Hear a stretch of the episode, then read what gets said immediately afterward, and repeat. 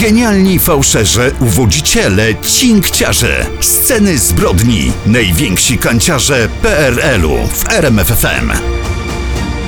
Druga połowa sierpnia, no to jeszcze szczyt wakacyjnych wyjazdów. W PRL-u to się pakowało plecak, szło się na jakiś rajd górski, e, karimata przy plecaku, termos z herbatą. A teraz to jest e, wszystko wiele prostsze. Bierzesz telefon i jedziesz na All Inclusive i masz to wszystko, a w tym telefonie są też wszystkie podcasty scen zbrodni i na ten premierowy zapraszamy Was właśnie teraz. Kamil Barnowski. I Daniel Dyk, miłego słuchania. Sceny zbrodni. Najwięksi kanciarze PRL-u. Tutaj sceny zbrodni, kolejna wakacyjna niedziela i kolejna odsłona największych kanciarzy PRL-u, ale nasze dzisiejsze historie będą wykraczały poza granice kraju. Tak, prześledzimy głośne dziennikarskie śledztwo, jakie na początku lat 80.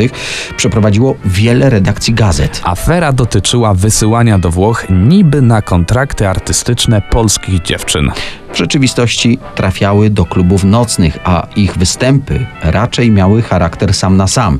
I to nadaje się na opowieść w cyklu Wiecie po 23, dlatego dopiero po faktach do tego tematu wrócimy. No to po 22 czas na Jerzego Paramonowa, przestępcę, który przez bandyckie ataki na milicję dorobił się piosenek na swoją cześć. Tak ludzie nienawidzili wtedy stalinowskiej władzy.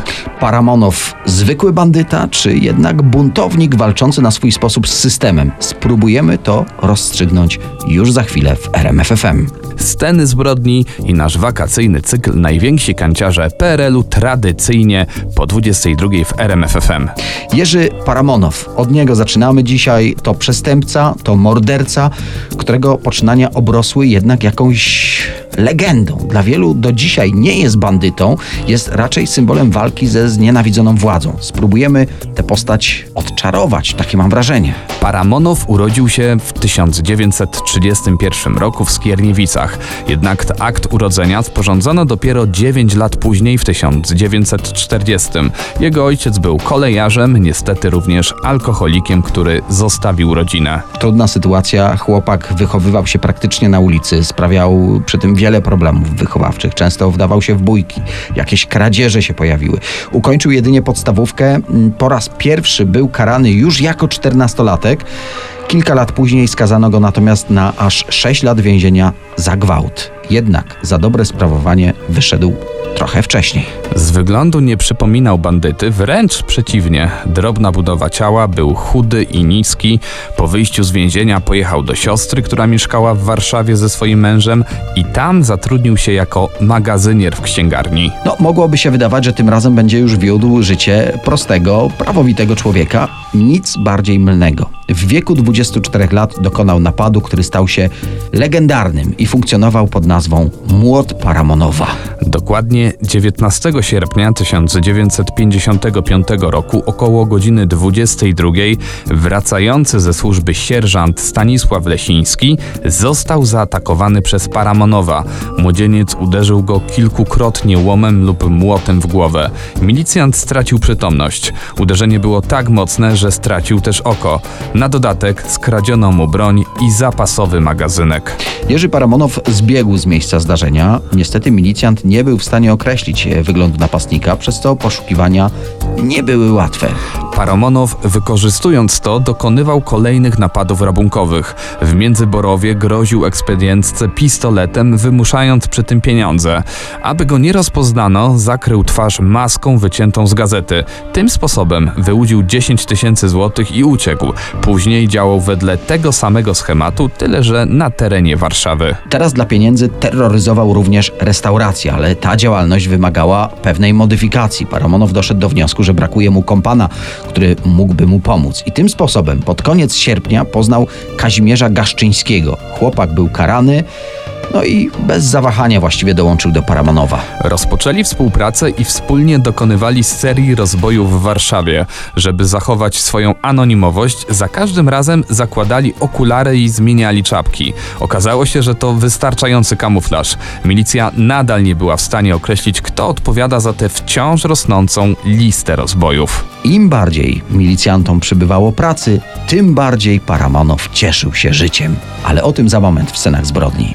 Genialni fałszerze, uwodziciele, cinkciarze, sceny zbrodni, najwięksi kanciarze PRL-u. Wakacyjny cykl Najwięksi kanciarze PRL-u i wracamy do historii Paramonowa.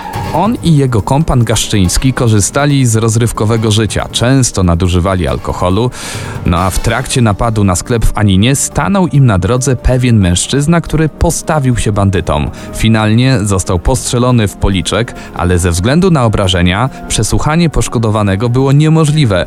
Także i tym razem przestępcy uniknęli kary. No, wspólnicy jeszcze jakiś czas po ostatnim napadzie chowają się w swojej tajnej kryjówce, ale gdy są pewni, że już nikt ich nie rozpozna, Barcelona. Ponownie wracają do okradania sklepów. Jednak zaczynają napotykać na trudności, a to podczas rabunku napatoczy się jakiś mężczyzna.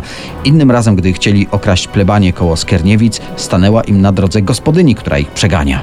I tak docieramy do 21 września 1955 roku. Jerzy Paramonow imprezuje ze swoim szwagrem Zdzisławem w jego mieszkaniu na Woli. Po skończeniu butelki wódki wychodzą na miasto. Zabawiają się pod hotelem Polonia, tam poznają Władzie, taką dziewczynę do towarzystwa. Kończą imprezę dopiero około 5 nad ranem i wsiadają do taksówki. Zachowywali się no, dosyć głośno, przez co zwrócili na siebie uwagę dzielnicowego. Sierżant Zdzisław Łęcki postanowił wylegitymować mężczyzn. Finalnie taksówkarz na rozkaz milicjanta zawiózł Paramonowa i jego szwagra pod komendę na ulicy Wilczej. Wychodząc z samochodu, Paramonowi wypada z kieszeni magazynek do pistoletu. Natychmiast przetrzeźwiał. Nie widząc innego rozwiązania, bez wahania strzelił do milicjanta. Trafił w serce i płuco. Sierżant Łęcki ginie na miejscu, a za przestępcą rusza pościg. Udaje mu się jednak uciec, szantażując kierowcę taksówki przy Placu Konstytucji. Spisane jednak wcześniej dane pozwalają funkcjonariuszom ustalić tożsamość tego zbiega. W ten sposób o Paramonowie jest głośno w całej Warszawie. Na słupach wiszą listy gończe. W końcu szwagier nie wytrzymuje i sam zgłasza się na komendę milicji. Zeznaje, co wie o Paramonowie i opowiada o tej pamiętnej i makabrycznej nocy. Poszukiwania długo nie przynoszą żadnych rezultatów. W tym czasie on razem z Gaszczyńskim, jak za dawnych czasów, okradają sklepy w różnych miastach. Trochę są jednak ostrożniejsi, uciekają, ukrywają się i to trwa 10 dni. Ale przecież ich dobra passa kiedyś musiała się skończyć. My opowiadamy aktualnie o historii Jerzego Paramonowa. W tej historii jest już 2 października. Dwaj milicjanci wychodzą na nocny patrol w okolice dworca wschodniego. Około północy postanowili odpocząć i właściwie przez przypadek natknęli się na dwóch śpiących w stogu siana mężczyzn. Być może milicjanci sami mieli ochotę zająć ten stóg siana. W każdym razie obok y, jednego z tych leżących tam mężczyzn znaleziono pistolet i młotek. Jak się domyślacie, byli to Gaszczyński i Paramonow. Zostali aresztowani trzy miesiące po pierwszym ataku na policjanta. W końcu do sądu w Warszawie wpłynął bardzo długi akt oskarżenia. Sam proces był błyskawiczny, bo trwał zaledwie trzy dni. Informacja o sądzie nad Paramonowem wzbudziła gigantyczne zainteresowanie. Wprowadzono nawet sprzedaż biletów na proces. Bandytów oskarżono o kilkanaście napadów rabunkowych. Oprócz tego Paramonowi zarzucono jedno zabójstwo i trzy usiłowania morderstwa. Finalnie obaj przyznali się do winy. Gaszczyński zeznał, że głównym organizatorem napadów był Paramonów, a wszystkie uzyskane pieniądze po prostu przeznaczali na życie, o jakim marzyli, czyli imprezy i alkohol. Z kolei Paramonow zasłaniał się trudnym dzieciństwem. 12 listopada sąd skazał obu oskarżonych na śmierć.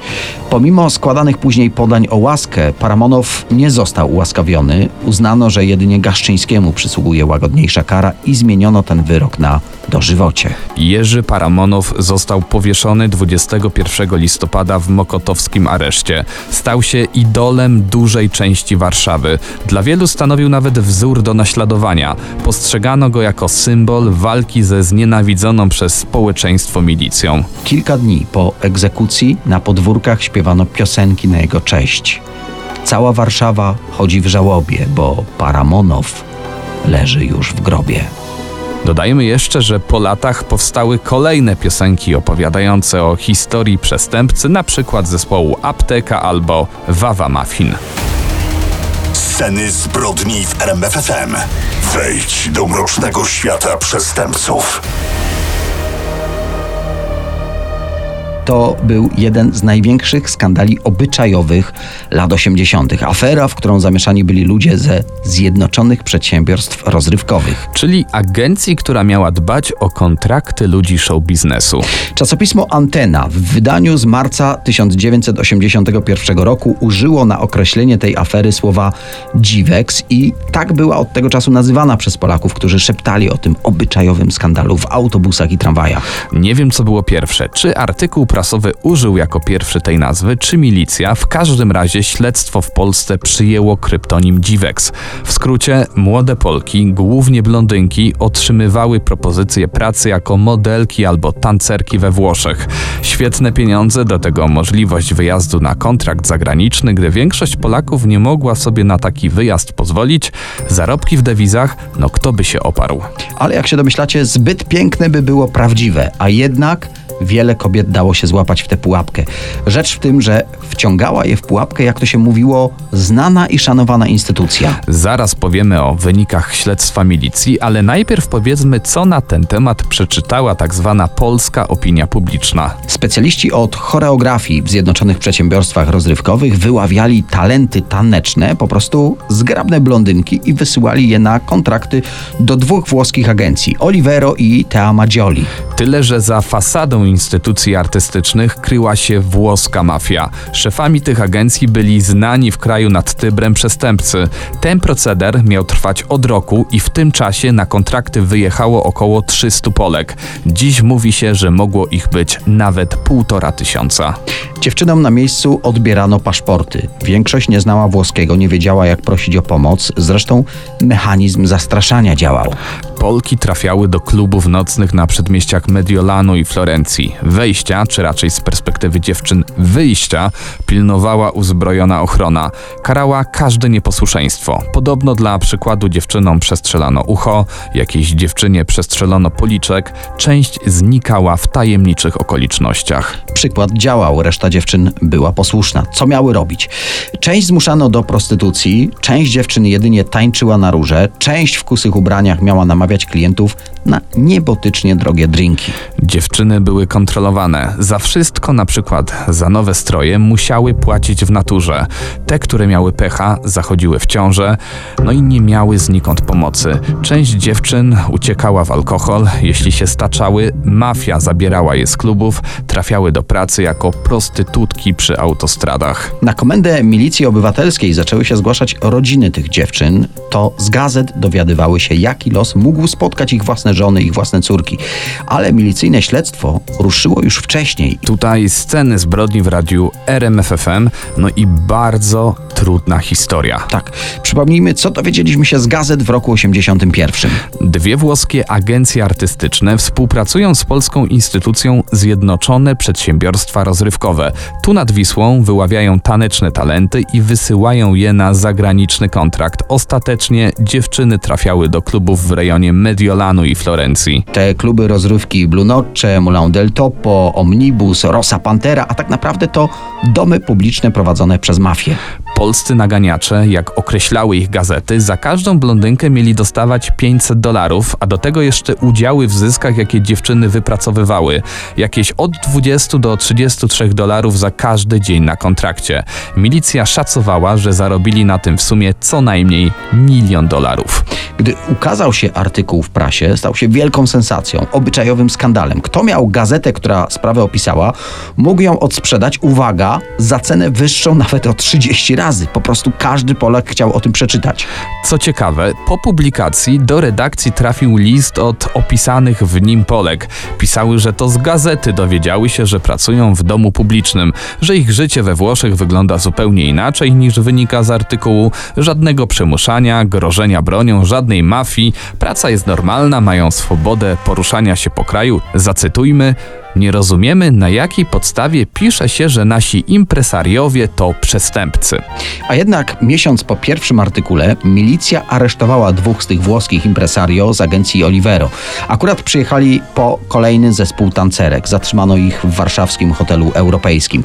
Chciano aresztować także właściciela agencji Tea Maggioli, ale ten nie pokazał się nad Wisłą, a ówczesna umowa ekstradycyjna no nie przewidywała aresztowania go we Włoszech. W tym czasie równolegle trwało śledztwo MO i śledztwa dziennikarzy innych redakcji prasowych. Jako, że temat okazał się poczytny, gazety prześcigały się w zdobywaniu nowych informacji. Na przykład Życie Literackie podało konkretne nazwiska aresztowanych Włochów. Kolejny artykuł ukazał się w Kurierze Polskim. Tu z kolei pisano o tym, że polscy sutenerzy zatrudnieni w dziale eksportu ZPR zostali aresztowani. Ci oczywiście zaprzeczali, by cokolwiek wiedzieli o dalszym losie dziewczyn. Oni jedynie wysyłali artystki do pracy na estradzie i z tych wyjazdów finansowane były występy krajowych artystów. Mało tego, uważali aresztowanie Włochów za jakieś nieporozumienie, przecież to tacy sumienni, dobrze i regularnie płacący klienci. A tymczasem, jak wynikało z ustaleń, ponad rok wcześniej Włoch Camillo C. zaczął szukać sposobu na ściągnięcie pięknych Polek do Włoch. Za pośrednictwem znajomego artysty z Węgier dostał namiary na pracowników ZPR. No jak wiadomo, wtedy kwitła wymiana artystyczna między krajami bloku wschodniego, stąd te znajomości. No, skorzystał z tego polecenia. Być może początkowo pracownicy Zjednoczonych Przedsiębiorstw Rozrywkowych naprawdę myśleli, że mają do czynienia z poważnym przedstawicielem włoskiej branży rozrywkowej. W śledztwie wyszło, że zatrzymany szef tej włoskiej instytucji nie miał żadnych artystycznych konotacji. Skończył zaledwie sześć klas włoskiej podstawówki. Wraz ze swoim zastępcą, Claudiem M., odwiedzał Polskę w sumie sześć razy i zakontraktowali w tym czasie cztery zespoły taneczne. Owszem, były jakieś nieścisłości, bo część artystek po wygaśnięciu kontraktu podpisała już na miejscu kontrakt z konkurencją. Tak to miało oficjalnie wyglądać. Faktycznie baleriny czy inne tancerki nie trafiały na estradę. Miały one siedzieć przy stolikach i prowokować mężczyzn, by stawiali im drinki, oczywiście te najdroższe. W cenie drinka była chwila sam na sam z dziewczyną. Czy śledztwo potwierdziło, że tak to wyglądało? Czy sąd skazał winnych handlem żywym towarem, bo takie były zarzuty? O tym za moment w RMFFM. Sceny zbrodni. Najwięksi kanciarze PRL-u. Dacie się naciągnąć? To są sceny zbrodni i wracamy do głośnej afery, w której to wysyłano polskie blondynki na zagraniczne kontrakty artystyczne, a faktycznie trafiały do włoskich klubów nocnych. Trzy miesiące po pierwszej publikacji Komenda Główna MO na konferencji prasowej ogłosiła wyniki śledztwa. Szok. Potwierdziły się prasowe doniesienia. Międzynarodowy handel żywym towarem. Zajmowały się tym dwie grupy przestępcze, oficjalnie agencje. Część tancerek wróciła już do kraju, przesłuchano je, ale bały się mafii, więc nic nie chciały zeznawać. Dodatkowo wstydziły się mówić cokolwiek po tych wszystkich publikacjach w prasie. Część się też wybielała, że po prostu odmówiły tak zwanej konsumpcji. Trzeci problem. Milicja nie dostała pieniędzy na wyjazd do Włoch i przeprowadzenie tam śledztwa. Czwarta trudność. Polska milicja narzekała na to, że włoska policja niechętnie współpracuje. Nie poinformowano nawet polskiej strony o fakcie aresztowania Maria G., szefa drugiej z tych podejrzanych agencji. No właśnie, to z włoskiej prasy polscy milicjanci dowiedzieli się, że w jego lokalu uduszono kobietę. Po prostu wciśnięto jej do gardła pończochę. Według języka mafijnego to był znak tak giną dziewczyny, które mówią za dużo. Z czasem wychodziły na jaw nowe fakty. Jedna z dziewczyn zgodziła się opisać, jak wyglądał cały ten proces kwalifikacji artystycznej. Wiele dziewczyn o tańcu nie miała jakiegokolwiek pojęcia, po prostu były ładnymi blondynkami od cały talent. Na miejscu Włosi przedstawiali twarde reguły, ale ostatecznie to dziewczyny miały decydować, jak daleko się posuną. Jak wyglądała sama ich praca? Spały zwykle do południa w pokojach w lokalu. Dopiero o 22 zaczynały pracę w tych klubach. Większość z nich nie znała w ogóle języka włoskiego, więc to kelnerzy przedstawiali ofertę, jak bardzo z daną panią można wejść w relacje. Mogły po prostu siedzieć przy stolikach i ładnie się uśmiechać za drinki. Oczywiście stosowano na nich różnego rodzaju socjotechniki. Na przykład dołączano do ich grupy doświadczone prostytutki. No i one widziały, że po pierwsze zarabiają dużo więcej, że są lepiej traktowane, a nawet od klientów otrzymują prezenty, na przykład nowe rajstopy czy też bluzki. Jak zachęta nie działała, były bite, by przestały się opierać. Klienci płacili zwykle 200-300 tysięcy lirów za całą noc. Z tego dziewczyna dostawała jakieś 15%. Za szybkie usługi w boksach, w lokalu zarobek wynosił jakieś 100-200 lirów. We Włoszech to była równowartość paczki lub dwóch paczek dobrych papierosów, ale przeliczając na złotówki, no to było coś. Tak po trzech latach śledztwa w 1984 roku odbył się głośny proces. Mimo, że chodziło o handel żywym towarem, sąd przede wszystkim ustalał, co to takiego ta konsumpcja. Skończyło się na tym, że jedyne wyroki, jakie zapadły, dotyczyły, cytuję, niedozwolonych transakcji walutowych. Kierownik działu eksportu i importu w ZPR dostał dwa lata w zawieszeniu i grzywnę. Inni oskarżeni urzędnicy rok w zawieszeniu i mniejsze kary finansowe. Szef jednej z agencji, Włoch C, nie doczekał procesu, zmarł na raka płuc. Jego wspólnik się nie pojawił w polskim sądzie, przepadła wpłacona przez niego kaucja. I to wszystko. Sceny zbrodni w RMFFM.